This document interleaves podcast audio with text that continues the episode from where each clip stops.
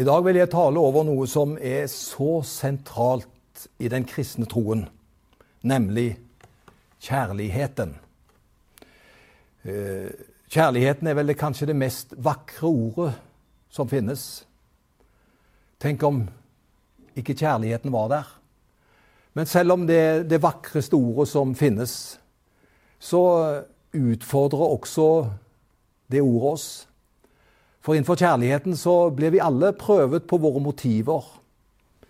For uh, i forhold til den så kan vi se om vi er egoistiske. Om vi tenker på oss sjøl, hvor mye vi tenker på andre osv. Så, videre. så kjærligheten den er så vakker. Men den er også utfordrende for oss. Og jeg vil prøve å si litt om Guds kjærlighet i formiddag. Og jeg har kalt talen for 'Den aller beste vei'. Og i det siste verset i 1. Korinterne kapittel 12 For i kapittel 13 eh, Det er jo det som har blitt kalt for kjærlighetens høysang. Der står det masse vidunderlig om kjærligheten.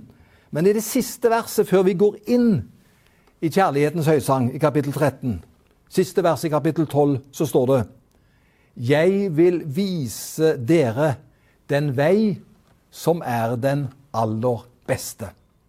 Så her tar altså Paulus og slår til og sier det at nå har jeg vist dere masse bra ting. Og de gode tingene som han har vist oss, det er bl.a. i 1. Korinterne kapittel 12, hvor eh, Paulus legger ut om nådegaver og hvordan nådegavene fungerer. Og Det er jo eh, vidunderlig å høre om nådegavene, og ikke få snakke om når nådegavene fungerer. Det er jo helt flott, det. Men så sier han etter han har undervist, så sier han men nå skal jeg absolutt vise dere den veien som er den aller beste. Denne står altså som innledning til eh, kjærlighetens høysang. 1. Korinterbrev kapittel 13. Hva er den beste veien, da? Jo, jeg har sagt så mye at eh, vi skjønner hva som er den beste veien. Men den beste veien, den gjelder for oss i en hvilken som helst relasjon. Uansett om vi forholder oss til få mennesker, mange mennesker, om vi forholder oss til de nærmeste menneskene som vi har satt sammen med, som kan være i forhold til barn, i, sammen, i forhold til ektefelle Altså uansett hvilket plan det er, hvilken relasjon det er, som den viktigste veien og den beste veien er kjærlighetens vei. Og når han sier hva som er den beste veien, så kommer han konkret inn på kapittel 13. Og der sier han om jeg taler med mennesker og englers tunge. Altså all verdens veltalenhet ble målt imot kjærligheten. Tenk å ha slike talegaver. At du har all verdens veltalenhet i din hule hånd. Da kan du kommunisere. Men det hjelper ikke hvis man ikke har kjærlighet. Eller om man har profetisk gave. Ja, men eh, den profetiske gave, den, den trumfer vel alt? Nei. Vi kan bli takknemlige selvfølgelig over den gaven, men eh, det er ikke den som er den viktigste. Tenk å ha profetisk gave. Tenk å ha å tale forløsende ord inn i et menneskes liv. Det er jo enestående. Men det er ikke nok. Man kan nemlig ha profetisk gave og mangle den veien som er den beste.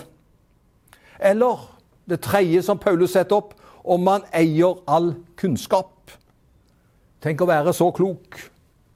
Og det finnes mange mennesker som er kloke, og jeg blir mange ganger imponert når jeg hører på menneskers klokskap og dyktighet.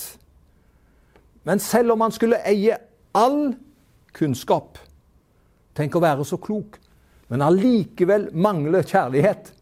Da hjelper det oss ingenting. Om man har en brennende tro, er neste moment hos Paulus. Om man har en brennende tro Denne troen må jo være verdifull, men det hjelper ikke hvis man ikke har kjærlighet. Om man viser all verdens veddelighet, gir til de fattige, ja, ofrer alt For en flott egenskap som verden trenger. Vi trenger jo eh, veddelighet, vi trenger å gi til de fattige, vi trenger at vi ofrer noe. Men alt dette kan vi også gjøre uten å ha kjærlighet. Alle disse egenskapene som Paulus lister opp her, er verdifulle og flotte. Men det er én vei som er den aller beste. Det er kjærligheten. Og kjærlighetens vesen fungerer ikke bare i gode dager. Den er til stede i vanskelige dager også. Ja, det er vel da den trengs mest. Kjærlighetens høysang, som jeg har sitert fra, avsluttes slik. Så ble de stående, disse tre. Tro, håp og kjærlighet. Men størst blant dem er kjærlighet. Tro uten kjærlighet er en død tro. Og håp uten kjærlighet er et goldt håp. Kjærligheten er den ild som nærer troen, og den er det lys som gjør håpet til sikkerhet. Og så finnes det en person, og det er det gode budskapet i dag. Det finnes en person som har alle kjærlighetens egenskaper i seg, nemlig Jesus Kristus. Og han gav sitt liv for oss alle. Gud er kjærlighet. Jeg er veldig glad for at eh, jeg kjenner en Gud som er kjærlighet. Jeg trenger det. Han vil utøse denne kjærligheten rikelig i våre liv. Og så er det slik til mer man bruker av denne kjærligheten, til mer vokser den. Moder Teresa har skrevet noen veldig flotte visdomsord som jeg har lyst til å dele med meg her i dag. Hun er jo et stort forbilde for mange mennesker. Og det som hun har sagt og skrevet, det har denne overskriften Gjør det likevel. Menneskene er ofte sta, illojale og egoistiske. Tilgi dem likevel. Hvis du er sjenerøs, vil du kanskje bli anklaget for egoistiske motiver. Vær sjenerøs likevel. Hvis du er framgangsrik, vil du få falske venner og ekte fiender. Vær framgangsrik likevel. Hvis du er ærlig og oppriktig, vil menneskene kanskje utnytte deg. Vær ærlig og oppriktig likevel. Det du har brukt år på å bygge opp, kan noen andre rasere på en natt. Bygg likevel. Hvis du finner fred og lykke, vil kanskje noen bli misunnelig. Vær lykkelig likevel. Det gode du, du gjør i dag, vil kanskje være glemt i morgen. Gjør det gode likevel. Selv om du gir verden det beste du har, er det kanskje ikke nok.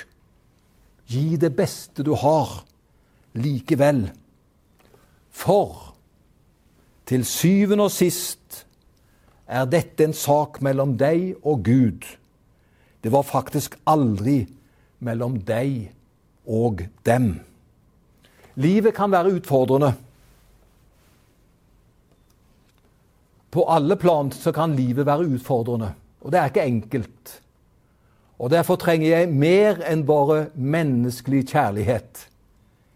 Jeg trenger agape, som er Guds kjærlighet, som elsker. Ikke bare når livet er enkel, men Guds agape elsker til og med våre fiender.